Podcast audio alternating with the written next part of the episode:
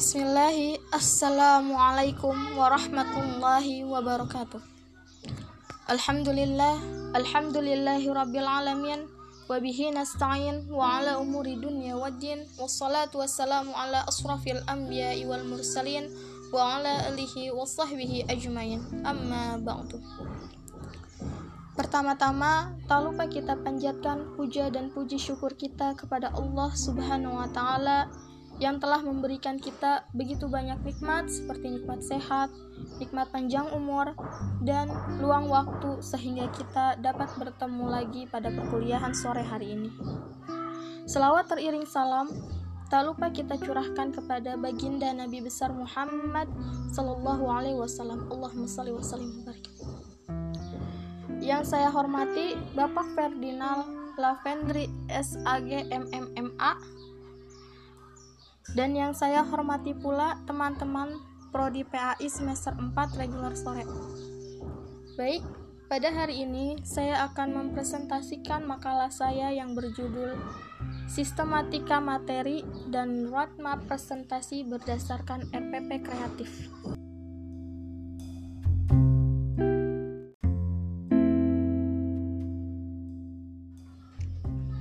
Kita akan lanjut kepada pengertian sistematika materi.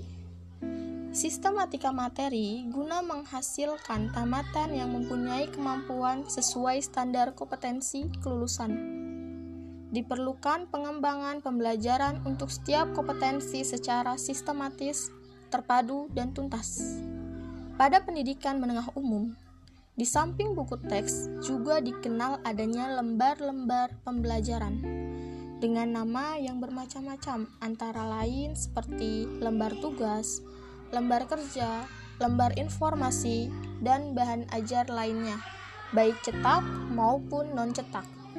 Semua bahan yang digunakan untuk mendukung proses pembelajaran itu disebut sebagai bahan ajar. Lalu ada pengertian sumber belajar.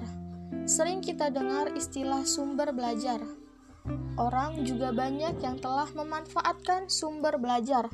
Namun, pada umumnya yang kita ketahui hanya perpustakaan dan buku sebagai sumber belajar. Padahal, secara tidak terasa, apa yang mereka gunakan, seperti orang yang menyampaikan dan benda tertentu, adalah termasuk sumber belajar.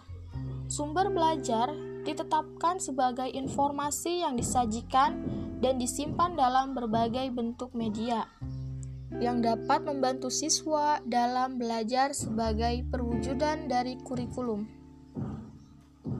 Bentuknya tidak terbatas, apakah dalam bentuk cetak, video, format, perangkat lunak, atau kombinasi dari berbagai format yang dapat digunakan oleh siswa ataupun guru. Lalu kita akan pindah kepada penyusunan materi.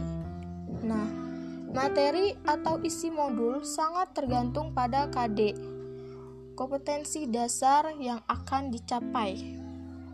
Materi modul akan sangat baik jika menggunakan referensi-referensi mutakhir yang memiliki relevansi dari berbagai sumber, misalnya buku, internet, majalah, jurnal, hasil penelitian. Lalu, materi modul tidak harus ditulis keseluruhan.